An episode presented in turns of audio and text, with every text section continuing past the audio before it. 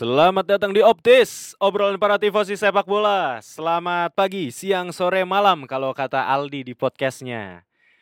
Aduh, teman-teman ini uh, sebelumnya kita minta maaf banget, uh, baru tag lagi. Uh, minggu lalu itu kan uh, break, kitanya sih yang break gitu ya karena satu dan lain hal ya, karena uh, keasikan ngobrol, keasikan kerja dan lain sebagainya gitu. Masih bersama kami Uh, kali ini kami kembali ke original duo, uh, duo optis Pundit Korporat. Ada saya Reza Fiansyah dengan partner saya Laksmana. Halo guys. Oh gila gue udah, gue udah semangat semangat loh nggak announce kan. Ini yang lo kasih ke gua Rang. Halo everyone. Nah gitu dong. Oke, jadi teman-teman sebelum kita masuk ke topik pembahasan ya, jadi uh, gue mau uh, cerita dulu nih sedikit ya di update kehidupan kami lah sedikit lah ya. Jadi untuk uh, Optis itu kan adain Optis League ya teman-teman ya. Jadi mungkin teman-teman yang udah ikut Optis League itu uh, boleh minta tolong sih uh, kasih data dirinya uh, ke kami tentunya datanya itu akan kami jaga dengan sebaik-baiknya, bukan untuk dijadikan bahan bahan-bahan pinjol atau apa pun dan kita juga cuma minta basic personal kontak biar bisa dikontak aja gitu. Kenapa? Karena, uh, terutama buat teman-teman yang ber udah berpotensi ya, saat ini kan udah sisa 3 giornata lagi. Jadi buat kalian semua yang berpotensi untuk jadi juara, nah itu kan biar lebih enak kita ngontaknya, jadi makanya kita butuh data diri kalian. Nah, terus buat teman-teman yang nggak punya kapabilitas untuk juara, sorry bukan punya kapabilitas, yang chance juaranya sepertinya kecil nih gitu. Ya itu jangan berkecil hati karena kita akan bikin Optis League yang uh, bagian kedua di mana itu mulai dari Jornata 19 sampai Jornata 38 ya Rang ya. Iya, betul. Uh, dan hadiahnya itu akan sama bahkan mungkin lebih menarik dari uh, Jornata uh, half season uh, yang sudah berlangsung ini. pemanasan lah ini. Uh -uh. Nah, jadi kita akan menggarap ini lebih serius lagi lah gitu. Juga konten-konten yang terkait dengan fantasi eh sorry, oh, seri A fantasi itu akan kita lebih update lagi. Nah, itu untuk yang seri A fantasi. Nah, terus teman-teman Optis ini kan secara usia podcast udah satu tahun lebih lah ya. Ini adalah podcast terlama Laksmana Wirangga karena iya. beliau sebelumnya pernah bikin podcast-podcast cuman uh, ini biasa diakuisisi dari Corbuzier. Dia akuisisi dari dari Corbuzier gitu exit, kan. Jadi, exit saya exit. Jadi Rangga tuh exit. Uh, beliau ini memang udah malang melintang lah di dunia perpodcastan nasional ya. Beliau pernah bikin podcast kayu bakar di situ tuh kayak ala-ala podcast seminggu, ala-ala podcast-podcast. Oh, sebelum ada podcast seminggu itu. Iya, belum, belum. Maksud ala iya ya. Maksudnya gue kenapa bilang ala-ala podcast seminggu? Karena orang lebih tahu podcast seminggu podcast daripada mental illness ada gue. Podcast uh, waktu itu pernah bikin podcast mental illness di mana uh, ya itu sama teman-teman gue juga sih. Uh, itu teman jalan pulang ya Rang ya. Yo, Itu mungkin kalau buat teman-teman yang mau iseng dengerin boleh tuh gitu ya. Masih ada kan? Masih ada kan ya? Gak ada, gak ada. Udah gak ada ya? Udah, udah lu take down. Udah gue take down. Rata-rata udah gue. Iya, pokoknya berawal dari teman jalan pulang, uh, podcast kayu bakar, habis itu ada waktu itu, ih ini mau gue ledekin lah, ada namanya uh, podcast ini si kulit bundar. Waduh. itu. itu itu lu partneran sama siapa ya Rang ya? Teman-teman gue juga. Teman gue kan banyak. Iya, teman lu banyak ya. Ternyata. Ya. Yang yang setahun ini aja yang belum ada ya. Waduh. iya sih. Iya jadi gitu teman-teman karena uh, balik lagi karena Optis udah satu tahun lebih dan ini adalah podcast terlamanya Rangga. Jadi mau syukuran nih gue sama Rangga. Jadi kan eh, di episode sebelumnya kan uh, kita udah mention tentang ini ya Rang ya, main main bola bareng ya. Iya. Jadi buat teman-teman yang tertarik, yang teman-teman yang emang pengen main bola, itu kita udah booking lapangan tanggal 23 Desember. Jadi kalian tinggal datang aja. Uh, registrasi aja dulu sih biar kita bisa bagi timnya. Registrasi dulu. Nah lu megangnya di situ rang. Soalnya kalau yeah. lu megang di kabel dia gresek. Hmm. ya maaf ya teman-teman ya kalau tadi ada gresek. Nah uh, di tanggal 23 Desember 2023 itu kita udah booking lapangan. Jadi teman-teman uh, tolong kontak kita aja DM Instagram. Boleh di Telegram ngomong boleh. Itu uh, uh, buat teman-teman yang belum uh, join Telegram ya boleh join aja atau yang belum ya boleh via Instagram aja kontak kita itu biar nanti kita bisa data dan uh, bagi timnya gitu ya dan juga kita yeah. bisa bisa kasih merchandise merchandise menarik lah yang dipersembahkan oleh Rangga nanti ya Karena beliau yang punya banyak merchandise menarik soalnya. itu ada nggak sih? Nggak ada lah. Nggak ada ya? Merchandise itu belum bikin ya? Tapi kalau misal nanti sempat bikin ya mungkin ada lah ya. Tapi Mungkin. tapi ya tujuannya kita ngajakin main bola bareng tuh kayak apa ya? Kita pengen silaturahmi lah gitu. Ya, Dan buat teman-teman yang mungkin ngedengerin sekali dua kali atau apa nggak apa-apa gitu. Tapi kita pengen apa ya? Pengen kenal aja gitu. Pengen silaturahmi betul. aja. Kebetulan kan main bola juga kan. Jadi ya datang-datang Hmm. aja lah gitu. Main fun, main cekakak cekikik. ta- Tapi ya ya ya ya main bola tetap gitu ya. Nggak ketawa-tawa Iya. doang. Nah, jadi itu sih. Eh, terus sedikit lagi tentang update kehidupan. Ini Rangga juga di kehidupan ini lu udah mau hijrah ya Rang ya dari kantor A ke kantor B katanya Belum tahu lah. Untuk- nanti lah. untuk memfulfill potensi lu kan. Tapi udah ini kan, udah ada kesepakatan kontrak antara agen lu dengan ini kan, dengan Ya, klub klub lah. baru kan. Saya tidak bisa berbicara sampai hari A kalau Oh gitu. kalau kata-kata pemain-pemain sepak bola ah, semua. baik baik baik. Nah, Selama saya berseragam Napoli, saya akan tetap mencintai Napoli. Napoli gitu lah ya. Oke ngomong-ngomong soal potensi, Rangga tadi kan eh, mau hijrah tadi untuk memfulfill eh, potensinya. Nah ngomong-ngomong soal potensi kita masuk nih ke materinya. Jadi bahasan kita kali ini itu tentang seorang pemain potensial yang eh, bermain di level tertinggi sepak bola Italia. Ya. Eh, beliau itu sempat malang melintang di Belanda ya Rang ya sebelumnya Semusim lah, semusim. satu musim di Belanda. Pemain ini bernama Lorenzo Luca. Seorang pemain yang eh, satu-satunya pemain Italia yang berposisi sebagai striker yang sudah mencetak Empat gol lebih dari eh empat gol ya, Empat lebih dari empat gol dalam Ah. semua kompetisi kan. semua kompetisi. Jadi Ah, dia dia. eh, pemain pertama di Italia berkelahiran di atas 2000 yang udah mencetak 4 gol di Serie A musim ini. Atau mungkin bisa dibilang jadi pencetak 4 gol pertama kali untuk untuk usianya dia. untuk usianya dia. Ah, jadi, eh, ya Hmm, ya. hmm. Sorry gue tambahin sedikit. Lorenzo Luca itu lahir tanggal 10 Des 10 September tahun 2000. Umurnya baru 23 Ya. tahun nih. di Moncalieri. Nah, itu Ah. posisinya kalau ditanya posisinya dekat sama Turin.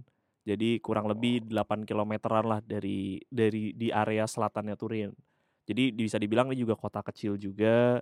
Ya, Ya, ya, ya. tumbuh sebagai anak kampung lah ya, tapi nggak kampung juga lah. Mm-mm. Udah dekat kota soalnya 8 kilo doang kalau mau ke kota. Dia menimba menimba ilmu sepak bolanya tuh eh, ini sih emang dari Torino. Dia youth youth Ya, team betul. profesionalnya tuh Betul, betul. Torino. Dia tuh. main Jadi, di SSB lah ya di usia Iya. mudanya dia menghabiskan di SSB sampai Ah, 8 tahun. benar. kontrak eh, youth pertamanya dia masuk ke eh, Torino dari 2008 sampai 2015. Ya. Lalu dia pindah lagi ke SSB namanya Chieri. Mungkin itu dari tim Serie C, masuk lagi ke namanya Cherry jadi seri C gitu. Iya. Enggak enggak gitu ya. eh, terus balik lagi ke Torino. Jadi memang secara eh, youth karir baru berakhir di eh, Brescia. Jadi eh, benar-benar kontrak profesionalnya itu masuk di pertama kali di Brescia. Oh, Gitu. oke. Nah, itu. Nah, ini eh, itu sedikit tentang Lorenzo Luca dan Betul. eh, perjalanan youth youth karirnya lah. Ya, Nah. betul.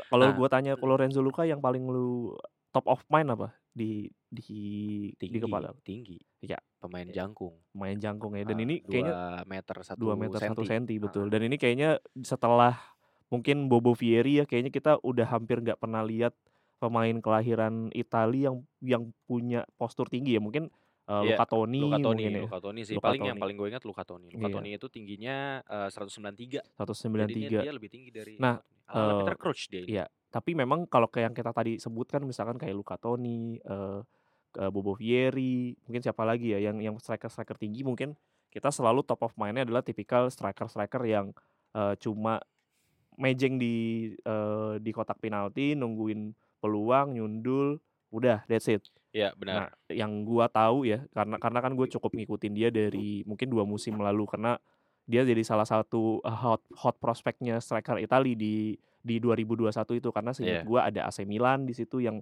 tertarik buat ngeboyong Lorenzo Luca, ada Inter Milan, ada Fiorentina, pokoknya banyak banget eh, tim-tim yang tertarik untuk ngeboyong Lorenzo Luca karena pada saat eh, awal 2021 bergulir eh, di tujuh giornata awal Lorenzo Luca itu udah menceploskan kurang lebih 5 gol di Serie B.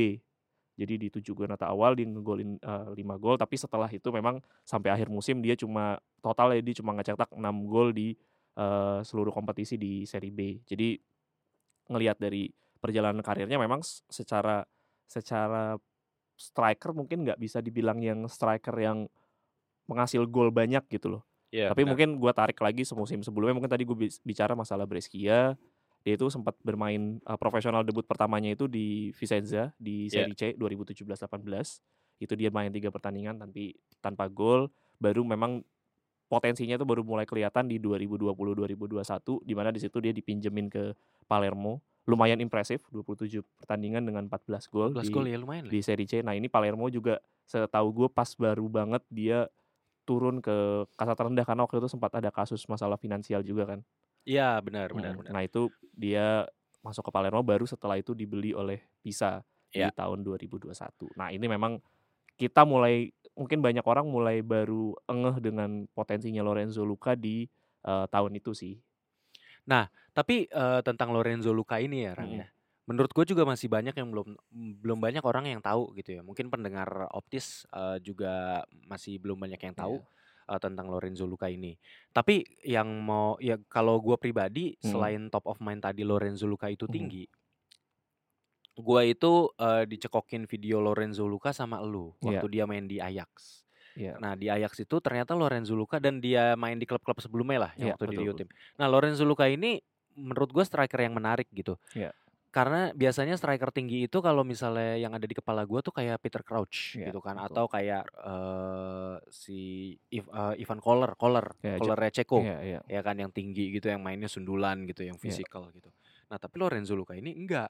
Lorenzo Luca ini tuh kayak ngikutin gue sama Ibrahimovic waktu muda gitu. Iya, betul. Walaupun memang nggak se nggak se Nggak uh, se flamboyan iya, dan nggak Ibrahimovic. bener-bener world class Ibrahimovic Ah, di masa benar, muda zaman. Belanda ya. Tapi dia ini punya skill olah bola yang bagus, dribblingnya oke.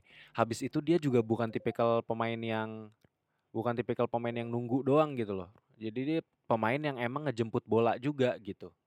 Nah, eh itu sih yang bikin gua lumayan tertarik sama Lorenzo Luca. Iya. Jadi striker tinggi yang punya kemampuan olah bola yang baik gitu. Iya. Jadi dia bisa jadi dia nggak cuman jadi target man yang mantulin bola mungkin kalau sekarang tuh kayak Olivier Giroud gitu ya nggak gitu mainnya tapi dia lebih ke dia bisa nahan bola kontrol dribbling passing gitu Iya. maksudnya bisa kayak striker-striker ala-ala Aguero gitu loh kalau gue ngeliat tapi Mhm. tentu nggak secepat itu ya nggak se nggak selincah dan sekencang Aguero gitu Iya, tapi faktanya tadi lu Gitu. ngomong uh, Ibrahimovic, memang Lorenzo Luca adalah salah satu pengagum Ibrahimovic. nah masuk akal masuk jadinya akal karena memang uh, mungkin gue masuk ke ranah teknis sedikit ya. boleh boleh Bahwa- Ap- apa yang bikin ya Lorenzo iya, Luca ini yang- tipikalnya yang gimana sih yang gitu. buat dia buat gue jadi sangat tertarik dengan sosoknya Lorenzo Iya. Luca memang permainan dia di di kaki itu juga jadi salah satu yang eksepsional juga bahwa tendangannya dia bagus iya benar. cara dia uh, short short passnya sangat gue kalau bandingin secara teknikal dengan uh,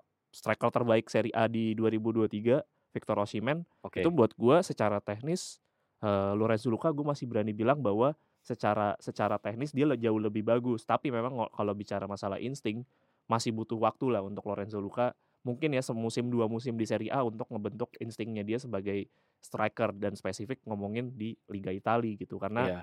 mesti diakui dia ada beberapa kes- kesempatan ketika dia pengambilan keputusan cukup cukup buruk lah tapi mungkin membuktikan eh, tekniknya dia ketika memang pertandingan eh Veron eh, eh sorry eh, Hellas Verona melawan eh, Udinese di beberapa minggu terakhir ya Iya. mungkin dua atau tiga Dua. Dua terakhir Giornata. Giornata 13 mungkin ya spesifik atau Giornata 14 itu dia eh, menghadirkan dua gol dan salah satu golnya adalah dia recreate golnya Cristiano Ronaldo yang di mana sundulannya dia dia lompat tinggi Oh lompat tinggi yang Iya, yang sundulan Cristiano Ronaldo yang di Juventus kan? Juventus betul itu eh, banyak yang bilang bahwa itu adalah eh, recreate dari eh, golnya Cristiano Ronaldo dan memang mesti diakui di situ eh, striker instingnya sangat-sangat bagus banget gitu loh. Tapi memang mesti diakui 15 pertandingan 4 gol bukan bukan bukan, Bukan angka- statistik bukan yang bagus, statistik bukan yang angka yang bagus. bagus iya. juga untuk bisa dibilang bahwa dia pemain yang world class gitu loh. Tapi tapi juga sebelum eh, apa ya Rang ya? Lorenzo Luca ini juga kalau misalnya dibilang striker jelek dengan statistik tersebut juga nggak nggak sepenuhnya tepat kalau teman-teman nonton tuh ya memang Udinese-nya juga bukan tipikal yang Betul. dapat banyak bola dan Betul. mendominasi pertandingan. Betul. Jadi Agak disayangkan supply sih. bola juga nggak ke dia. Eh gue agak menyayangkan kepergiannya dia ke Udinese sih. Iya Eh, dari Ajax. begitupun Pad- juga- Padahal kan dia di, banyak dirumorin Itu ke- 2021. Memang eh, pada Oh, saat makanya dia- akhir tapi dipilih Ajax ya. Iya, Dulu ya. dan memang eh, bukan kesalahan sih, sayangnya ketika dia sangat lagi dijadiin hot prospect di saat itu, dia lebih milih bertahan sampai akhir musim dan memang pa pada saat sampai akhir musim memang performanya jadi biasa aja. Karena 30 30 pertandingan 6 gol dari tadinya dia awalnya 7 Giornata dia ngehasilin 5 gol. Jadinya mulai menurun lah secara prospek gitu. Nah akhirnya dia memang menurut gue sih gue bisa bilang pilihan dia ke Ajax adalah pilihan yang cukup bertaruh karena ada dua hal. Pertama Ajax Am eee, uh, Lorenzo Luka adalah pemain Italia pertama yang Di join di Ajax Amsterdam. Jadi seumur gitu? karirnya Ajax Amsterdam, Lorenzo Luka itu pemain pertama yang, eee, berkewarganegaraan Italia. Itali oh iya menarik juga tuh, ayo Nah, menarik tuh. which means sebenarnya jadi ngebawa ke, eee, fakta berikutnya bahwa ya berarti kan Ajax sebenarnya punya preferensi lebih banyak memainkan mungkin ya pemain either lokal talent atau memang lebih preferensinya ke pemain Latin. Iya. Nah, itu mungkin yang jadi membuat dia kesulitan di periodenya dia di Ajax karena musti di kalau secara statistik ya kemarin di eranya dia di Ajax praktis dia cuma ada 2 gol dan itu gue nonton dua-duanya. Dua-duanya itu dihasilkan pada saat dia jadi pemain pengganti. Dia tuh masuk menit 80-an Mhm. dan dia golin di 2 pertandingan tersebut. Dan itu dan praktis memang di di Eredivisie dia cuma ngasilin 2 gol, 1 assist. 1 assist-nya juga sama pemain pengganti. Oke. Dan di, eee, Champions Divise Kekuan Champions Divise itu di divisi 2-nya. Jadi kalau Ajax B-nya itu, eee, bermain di, eee, kasta kedua. Nah, dia sebenarnya statistiknya Oh. lumayan juga 14 pertandingan 6 gol di situ. Jadi total 30 pertandingan di Ajax dia cuma menghasilkan 8 gol. Which means sebenarnya cukup bagus dan tapi problemnya juga pada saat dia masuk ke Ajax memang lagi masa transisi kan. Dari, Iya, eee, kepergian dari Erik ten Erik Hag, ten Hag pergi, betul. terus juga, dir direkturnya juga baru berganti tuh gue inget dan memang katanya direkturnya cukup bermasalah. Jadi memang kayak, eee, dia tuh selalu dia kayaknya pindah di saat yang nggak tepat pada saat Ajax. Dia juga bilang bahwa fasenya dia masuk ke Ajax itu adalah kayak fase sekolah. Oke. Ya mungkin ya dengan gue ngambil kata-kata sekolah itu buat dia ya jadi pembelajarannya dia sih. Karena memang musti diakui jadi bukan jadi fase yang bagus. Masalahnya lucu aja gitu. Saingan strikernya dia pada saat di Ajax itu Bryan Brobbey. Bryan Brobbey kan Iya kan bukan bukan pemain yang bukan bukan striker pemain dan itu juga sama-sama diambil dari pemain itu yang seinget gue bukan akadem bukan akademi deh. Dia diambil dari dari liga lain Dari seinget ah. gue. Jadi kayak agak agak aneh aja sih si pelatihnya itu sih. Kenapa dia ngambil dan gue tuh sangat berharap musim lalu tuh gue bisa ngeliat Lorenzo Luka lawan Napoli. Karena gue berharap kalau dia main bagus kan diambil Napoli gitu. Ternyata sama sekali nggak main di Iya, Champions League. itu Dia dia. malah main cuma sekali di Europa League pada saat dia turun ke kasta kedua kan. Kasta Europa League baru cuma main sekali. Nah, Rang, tapi gue mau nanya juga. Lorenzo Luka ini waktu dia memilih ke Ajax ketika dia lagi jadi hot prospect transfer, Mhm. itu apakah jadi kesalahan juga eh, secara mungkin bukan secara teknis sepak bola ya, tapi secara non teknis sepak bola di mana dia pemain Italia pertama di Ajax Amsterdam dan kayaknya di Belanda itu juga nggak banyak pemain Italia gitu Iya, orang. betul. Eh, Belanda Belanda itu kan sama juga kayak Italia sebenarnya banyak pemain lokal yang main di Iya. liganya gitu. Nah, ini yang bikin Mungkin dia dulu juga jadi Pele kali yang cukup sukses. Iya, ini ini bikin dia jadi kesulitan adaptasi juga nggak sih? Karena kan lu di usia yang muda baru 22 20 tahun. 20 Dua- 21 tahun 22, waktu itu kan. 20 iya Satu- 22 tahun. 21 ke menuju 22. Ah, ah. itu juga lu nggak ada temen gitu kan di sana jadi pasti Betul. kan lu berbahasa juga nggak mungkin lu langsung bisa bahasa Belanda setahu gue nih Betul. nggak nggak nggak yang native bahasa Belanda lah ya Betul, betul. nah itu menurut lu jadi sebuah eh oh, mistake nggak gitu? Iya, buat gua sih kayaknya sebenarnya nggak jadi mistake ya buat gua kalau misalkan dia milih tim yang nggak sementereng Ajax sih buat gua ya. oke. Karena ya balik lagi Ajax kan pasti punya punya set of target juga gitu kan. Secara tim dia berharap eh, apa namanya dia berharap eh, prestasinya di di certain level gitu di mana mungkin itu nggak ngebuat eh, Lorenzo Lico juga di punya kesempatan yang cukup gitu loh. oke Mungkin kalau dia pindahnya mungkin ke tim-tim papan tengah, mungkin ke Utrecht misalkan gitu atau Hmm. tim-tim lain lah ya yang di Herenveen dan lain-lain, mungkin dia punya lebih banyak kesempatan karena secara tim juga secara pressure gak, gak sebesar eh, tim-tim macam tim-tim besar macam Ajax, eh, AZ Alkmaar, PSV Eindhoven. Itu kan Iya, semua pasti benar, punya set of target yang besar dan ya memang sih Ajax punya punya eh, histori memainkan pemain-pemain muda tapi eh, Ajax tahun lalu itu memang dalam perio- periode sulit juga sih. Jadi menurut gua bisa dibilang ya mungkin bisa dibilang ini salah satu eh, false step pertama dia lah sebelum akhirnya memilih. Gua nggak tahu ya buat gue Udinese masih jadi karena di Udinese itu kalau lo lihat setelah dia menjual Beto kan ke Everton, dia Mm-mm. ngambil hampir sekarang di lini depan seingat gue hampir ada enam pemain sekarang. Di Iya. eee, Udinese. Jadi memang, eee, pertaruhan gitu bahwa lo harus ngelawan, eee, orang-orang itu gitu. Mungkin tapi kalau ngelihat dari statistik sih memang dia bermain, eee, cukup sering ya di di Udinese sampai saat ini. Dia bermain kurang lebih 15 pertandingan di di Serie A dan 2 pertandingan di, eee, Coppa Italia. Iya, tapi kalau dibilang cukup sering sebenarnya secara statistik, dia itu ini kan udah berjalan, eee, berapa nih, Giornata tuh udah Giornata 14 ya? Lim Ini harusnya udah mau oh 15 udah sih. 15 ya, Jadi sorry. dia hampir hampir setiap Giornata dia selalu Iya, terlibat i sih. dia dia di setiap Giornata itu selalu terlibat, Biarpun tapi nggak memang oh iya, biarpun tapi nggak eh sorry 14, dia cuma main Iya, 14 memang pertandingan, sorry. waktunya waktunya tapi dia, eee, ini loh, dia itu yang bermain di atas 60 menit itu tuh kehitung jari. Iya, Dia betul. itu cuman 1, 2, 3, 4. Dia cuman 4 4 4 Giornata yang Mhm. bermain di eee, sorry 5 Giornata yang bermain di, eee, 60 menit, enam 60 menit ya. Iya iya. Nah itu jadi, eee, apa sih namanya, ini membuktikan juga bahwa dia memang bukan seorang striker yang Pilihan utama. dipercaya, eee, sebagai pilihan utama ya. Betul betul. Eee, mungkin mungkin ada yang bilang kayak, "Oh karena dia masih muda aja." Enggak juga sih sebenarnya juga kalau 23 dibilang tahun gitu. muda 23 tahun udah nggak bisa dibilang Heeh. muda sih. Jadi jadi menurut eee, jadi emang di Udinese itu tuh Lorenzo Luca sekarang emang lagi jadi redemption-nya dia juga ya, Rang, ya? Iya, karena dia ya tapi dengan dengan 5 kali starter dia bisa ngeba ngebayar dengan 4 gol gitu loh ya, still impress buat gua ya dengan pemain debutan Serie A loh.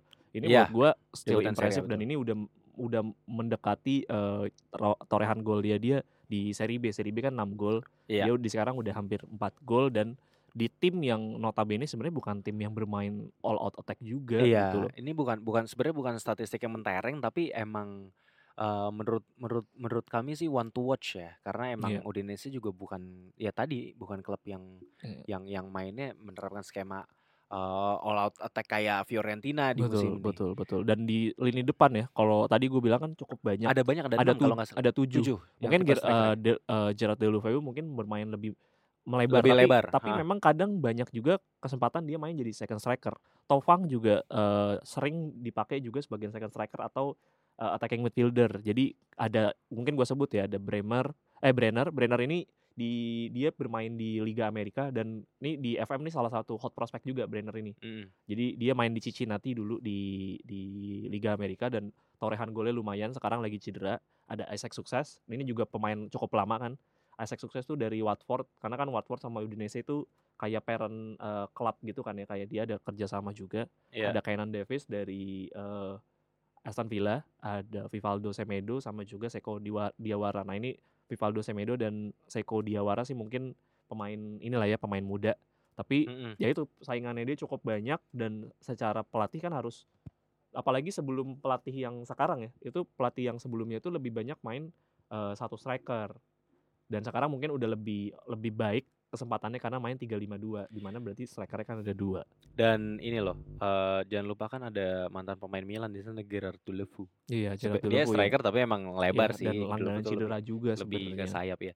Tapi ini menarik juga, eee, Rang, Mhm. eee, top sko top goal scorer-nya Udinese itu Lorenzo Luca loh dengan 4 gol. Iya, betul. Dengan 4 gol di liga ya dan, eee, 5 gol totalnya di semua. Dan Di semua soalnya di di di di iya. di Coppa kan dia 1 kan. Dia assist, eee, iya dia 4 gol 1 assist. Da berarti Heeh. asisnya dia juga perolehan asisnya udah mendekati top assist juga, Lazar Samardzic 2. Top scorer kedua itu Lazar Samardzic juga. Berarti memang secara kualitas udah 11, 12 dengan pemain terbaiknya Udinese. Lazar Samardzic kan pemain terbaiknya Udinese Udinese. juga. Rang, tapi, eee, tadi kan gue udah, eee, cerita, Mhm. gue tuh suka si Lorenzo Luca tuh bukan suka ya, yang gue notice tuh apa, tapi kalau lu yang lu suka dari Lorenzo Luca apa sih? Karena lu kan yang nyekokin gue nih ke Iya. Lorenzo Luca. Sebenarnya, eee, kalau dari lu pribadi selera lu ngelihat pemain ini, "Ah, gue suka nih pemain." Itu apa yang lu lihat gitu? Yang pertama gue gue tuh suka pemain yang punya paket komplit gitu loh secara dia kan berarti secara fisik oke gitu, Oke, secara betul fisik betul. oke, secara secara technical oke gitu loh. Dan sama satu lagi ya, ini salah satu pemain yang sekarang lagi kualitas ini lagi nggak dimilikin sama striker-striker Italia gitu loh. Apa tuh? Ya ya striker yang murni striker gitu udah. ya terakhir mungkin Gianluca Scamacca, tapi Scamacca pun juga lagi anggot-anggotan, cedera terus. Beberapa Iya, kali cedera set dan setelah dia pindah ke West Ham, aduh performanya belum menemukan performa baliknya lagi lah, terbaiknya lagi. Jadi praktis bener-bener yang punya yang punya bener-bener, eee, kualitas sebagai striker murni ya mungkin cuma Retegui doang dan Retegui lagi tidak mengalami, eee, fase yang baik juga di Serie A, lagi lagi cukup mandul juga gitu. Akhirnya kan mau nggak mau Spalletti jadi milih pemain-pemain ya macam Raspadori, Iya. ya jadi bukan bukan striker murni dan dan di musim lalu kalau lo inget malah maininnya, eee, yang pemain pendek itu, eee, Wilfried Gi Gionto. Iya. Wilfried Gionto juga sebenarnya kan basic-nya sebenarnya pemain sayap, tapi ya even Mat Matteo Retegui pemain striker Italia yang digadang-gadang striker terbaik 10 pertandingan 3 gol. Iya, masih ja masih kalah ya masih ya kalah dengan Lorenzo Oke lah Luca. mainnya di Genoa, tapi kan tetap aja Ya ya ini kan berarti kualitas yang kualitas timnya berarti kurang lebih Iya. sama kan. Ini menarik sih, 3 striker yang lu sebut tadi, Retegui, Mhm. Lorenzo Luca eh sorry Retegui, eee, Scamacca, Iya. dan Lorenzo Luca mereka ini, eee, menurut gua striker yang emang masih dalam satu generasi. Iya, Merek betul. eee, Scamacca dan Retegui itu lahir tahun 99, Iya. Ska eee, Lorenzo Luca tuh tahun 2000. Iya. Nah ini, eee, ini kayak menarik lah pertandingan antara anak muda ini gitu kan. Iya iya. Karena buat gua, eee, kayak pasti mau nggak mau kalau kalau mau Itali punya masa depan yang berkembang ya, buat gua harus mau nggak mau dan dan memang di lini-lini yang lain sih, iya mungkin perkembangannya masih cukup baik ya, cuman di di lini depan ini karena memang problemnya adalah Serie A tidak banyak punya striker-striker dari kelahiran Itali mesti diakuin kan. Iya Kecuali tim-tim papan bawah. Iya iya. Iya.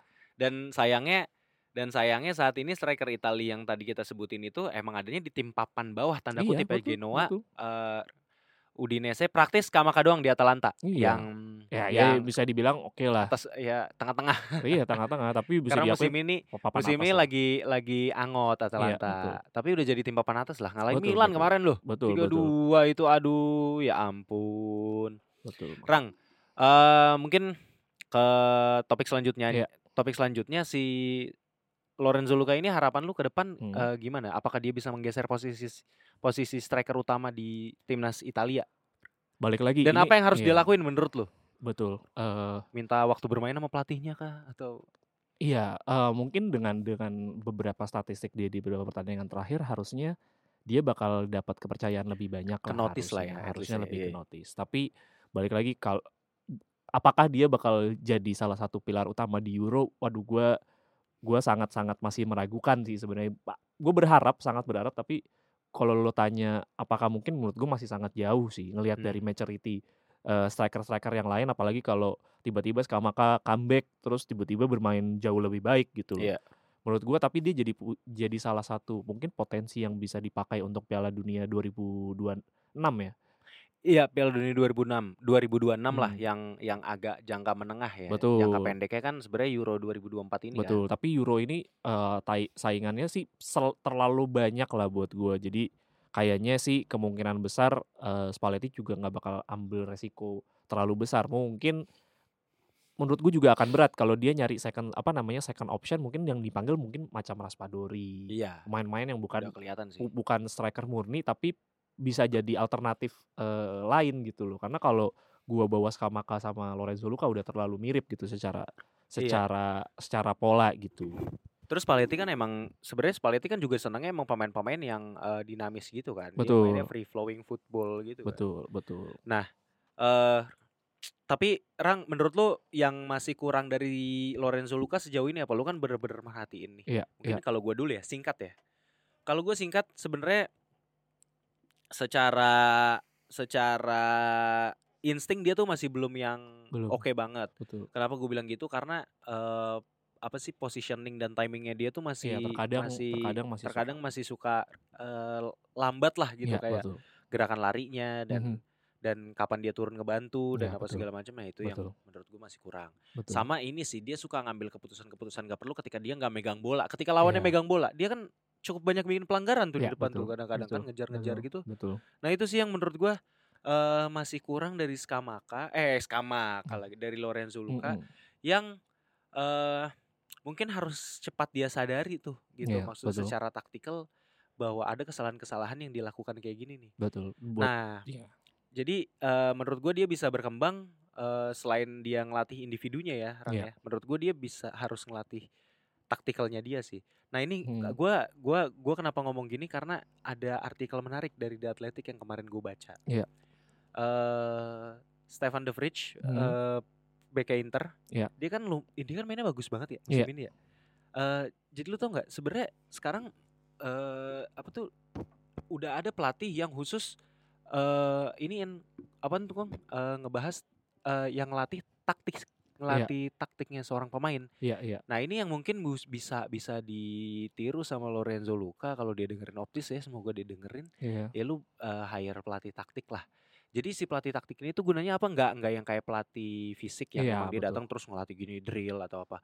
Jadi pelatih taktik ini tuh lebih ke eh, ngasih lu kelas gitu loh. Dia dia Iya. ngasih gambar, dia tuh ngasih ngasih potongan video Hmm. atau gambar lu main, ya dia ngasih tahu lu harusnya Iya, berdiri di lo sini, lack of timing lu this, gini. lo- lack of this, lack of Ha-ha, that, gitu lack ya. lack of this, lack of that dan dan lebih lebih improving visi lu sebenarnya. Nah, itu sih yang menurut gua Nah, iya. eh yang menurut gua bisa di-improve dari Lorenzo Luca. Mungkin eh, bahasan kita gue yang tadi itu bisa kita bikin eh, segmen khusus kali ya Iya, tentang betul. tentang fenomena pelatih eh, taktik ini nih. Iya, Karena itu betul, betul. karena emang ini kayak satu lubang gede di sepak bola yang Iya, belum banyak betul. dibahas tuh. Betul. yang Even di FM aja sekarang ada satu role baru namanya set piece coach. Nah, Nah, itu, Itu kan sebenarnya- buat iya, bahas set piece doang. sepak bola ini kan emang kayak makin Lama-lama makin berkembang juga ya, makin dan makin mak- individu makin makin berkembang. banyak sebenarnya kalau bicara masalah uh, small things itu udah mulai dijadikan uh, Nah, jadi small jadi things itu jadi udah betul betul yang lu bilang satu tadi. fokus area juga gitu loh. Jadi yang eh, dulunya mungkin apa, kita cuma eh, bicara latihan yang spesifik itu eh, tadi ya. coach itu Mungkin attacking, piece defending, mungkin midfield apa gitu, goalkeeping. Tapi dia. sekarang kayak mungkin Tapi small small lagi, things juga sekarang udah ada eh, data yang analis juga di di sepak bola udah mulai tadi gue bilang tadi kayak ada set piece yang juga di area-area set tim ya? piece. Nah itu pindah tim ke mana tapi gitu. dengan catatannya dia yang masih eh, nggak mentereng ini siapa tim yang menurut lu pindah di keluar Italia atau gimana? Heeh. Latihan yang spesifik itu Mhm, mhm. mungkin set piece juga bisa di-improve sama Mhm, mhm. memanfaatkan tingginya dia. Tapi balik lagi. Iya makanya. Hmm, Oh iya sih benar Pindah sih. tim benar sih. pindah tim sih karena Pemain muda. ya ya Dufan Zapata iya di Iya. Napoli iya iya. tetap di Itali sih buat gua karena Atalanta. eh, Eh, dia kan aset. Italia ya sebenarnya agak agak sayang kalau dia harus pindah ke tim selain Italia buat gua sih gue berharap banget gitu loh kayak misalkan tapi kan Colombo juga sekarang lagi bagus jadi gue berharap sih Milan karena Hmm. kan Giroud juga udah mulai menua gue berharap gue pengen jawab Napoli tapi Napoli itu tidak Iya, tidak punya iya. track record bagus Ih, terhadap Pinamonti juga bagus tuh lagi eh, pembe- pembidaan pemain muda jadi dia tuh tipikal yang nggak sabar dulu itu 99 Napoli punya lagi, Dufan iya. Zapata Ih banyak banget ya. Dufan Zapata Pemain 99 Dufan ini ya. Zapata tapi karena nggak sabar akhirnya kan dijual waktu itu ke Atalanta kan mainnya bagus dan dia sekarang Ah, Torino juga bagus jadi Wah, sangat berharap ya. sih gue ke tim-tim yang memang bermain dengan tipikal satu, satu striker dan memang dia dijadikan salah satu pemain andalan gitu tapi mungkin kayak eh, Sassuolo bisa tapi memang saingannya kan Andrea Pinamonti Pinamonti juga cukup cukup cukup on perform lah ya dan dia juga class of ni- eh, 1999 juga Iya, kan dia dari ada jadi Argentina. se- sebenarnya 99 2000 ini memang udah cukup banyak gitu. Kolpani juga biarpun gelandang ya, tapi dia sekarang torehan golnya ada 6. Jadi sebenarnya Lorenzo Colombo juga sekarang lagi Oh, cukup iya. emerging juga. Iya, betul. Gue sih Iya. kenapa ya? Gue gue berharap eh Italia itu punya punya pu- punya banyak stok buat masa depan juga bener nggak perlu harus sih kemarin kayak eh Retegi itu kan sebenarnya jatuhnya semi naturalisasi juga karena dia kan ada Argentina Iya, nggak ke mana-mana. gue kayak banyak kok gitu loh opsi-opsi yang Inggris bisa juga susah, nggak Ini ada- sebenarnya masalahnya agak- sama agak kayak ya. Indonesia juga. Terlalu banyak lihat keluar sebenarnya di dalam punya potensi yang bagus juga gitu. Dan memang pembinaan usia mudanya Itali kan Oh, udah iya. banyak dibahas juga kan bahwa pemain-pemain Primavera tuh secara bayaran rendah, terus secara kompetisi juga nggak terlalu nggak terlalu bagus. Pada akhirnya mereka lebih milih ke liga-liga di luar Itali dan pada akhirnya juga ya akhirnya kayak Liga Malta, ya liga liga-liga yang kayak begitu, nggak nggak ke mana-mana juga itu dan dan regulasinya padahal sebenarnya di Italia udah cukup ketat juga loh. Cuma dia tuh cuma boleh nge-hire 2 pemain non Uni Eropa per musim.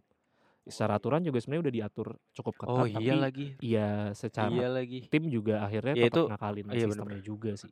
Kayak di Napoli pemain pemain asli Itali juga paling cuma siapa Alex Meret, di kanan ada Selalu dapat tempat. Lorenzo Mhm. sama, eee, si Politano, Oh iya iya iya Itali. iya. Berarti berarti Kvaratskhelia, masalahnya Osimhen, Italia back-nya ini tuh agak kolektif Itali, juga ya Rahmani, selain emang eee, si Nathan Lorenzo Lucas sebagai pemain harus pindah tim gelandang juga juga tapi Itali. sebenarnya Jadi dari emang sisi emang secara banyak sekarang tim yang lebih mempercayakan ke ya juga udah harus memperhatikan nih juga nih, Balkan gitu kan. dibandingkan dibandingkan Primavera gitu loh.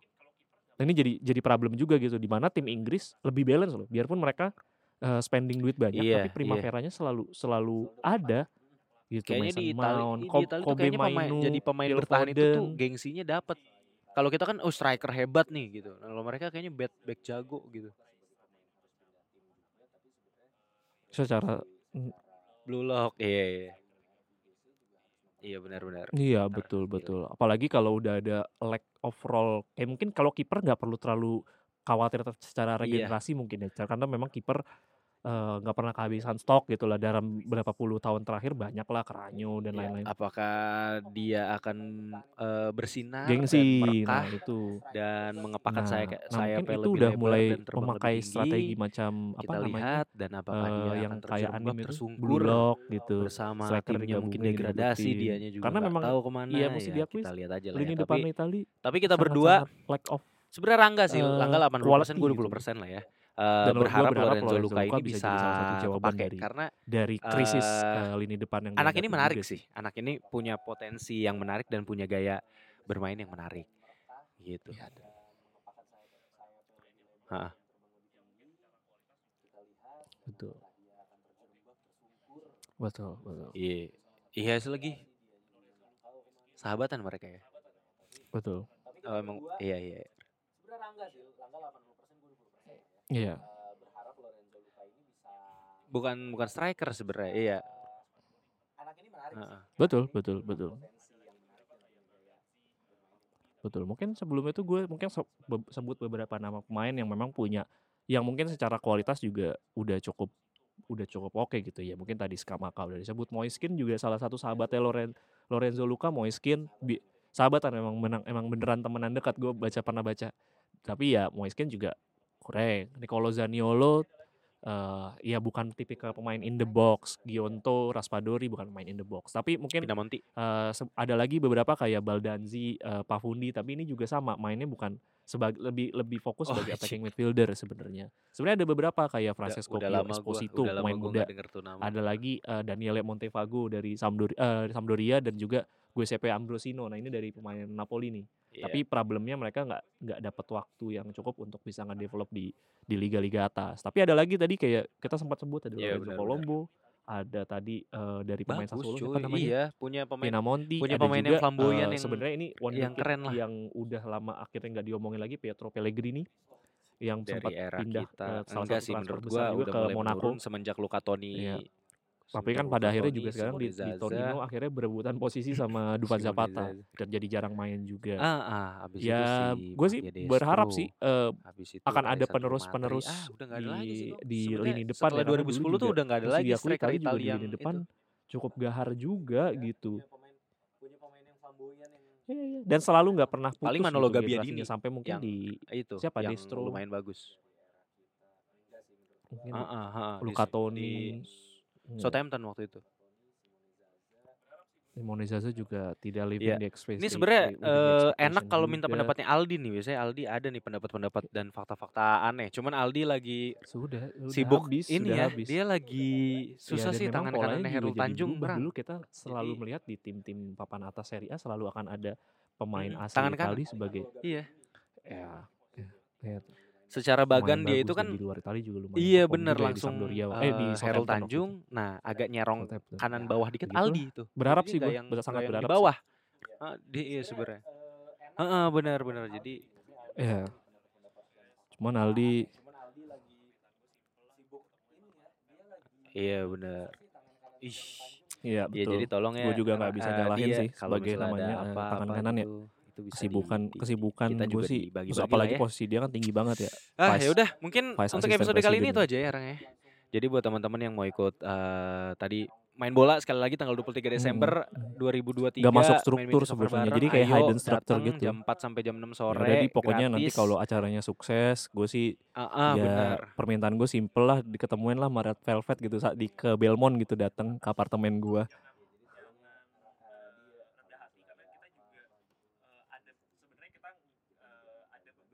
Ya betul. Ah ya udah, mungkin untuk episode kali ini itu aja ya. Ya itu aja lah.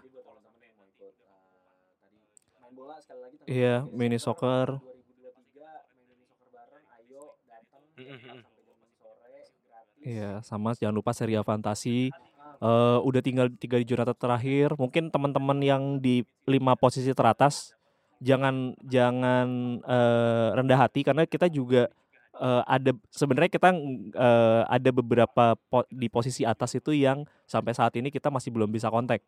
Nah itu kalau sampai nanti udah pengumuman uh, juara di mid half season gak ada kabar, itu udah pasti kita coret dari dari Optis League dan itu jadinya yang di bawah-bawah masih punya potensi ya untuk udah. juara. Makanya jangan Paling jangan itu aja teman-teman kecil hati gitu loh dan dan silahkan, tetap semangat aja gitu. Uh, dan kalaupun nanti di mid season nggak nggak dapat pole position, tenang masih ada second half. Juga kasih data second half juga nggak kalah ramai juga. Itu aja untuk episode kali ini. Terima kasih banyak Jadi, sudah mendengarkan. Semoga kalian sehat-sehat. Kita setiap selalu. minggu juga selalu deliver hadiah-hadiah uh, tunai juga lumayan kalau kalian you. kumpulin.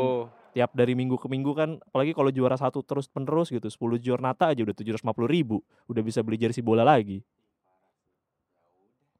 Iya. Paling itu aja teman-teman ya pesannya. Yep. silahkan uh, DM kami ikutan silahkan. Ya betul. Juga seri fantasi kalau belum dan juga kasih data diri kalau belum. Ya betul. Itu aja untuk episode kali ini. Terima kasih banyak sudah mendengarkan. Yep. semoga kalian sehat-sehat sukses selalu amin amin amin. ciao ciao thank you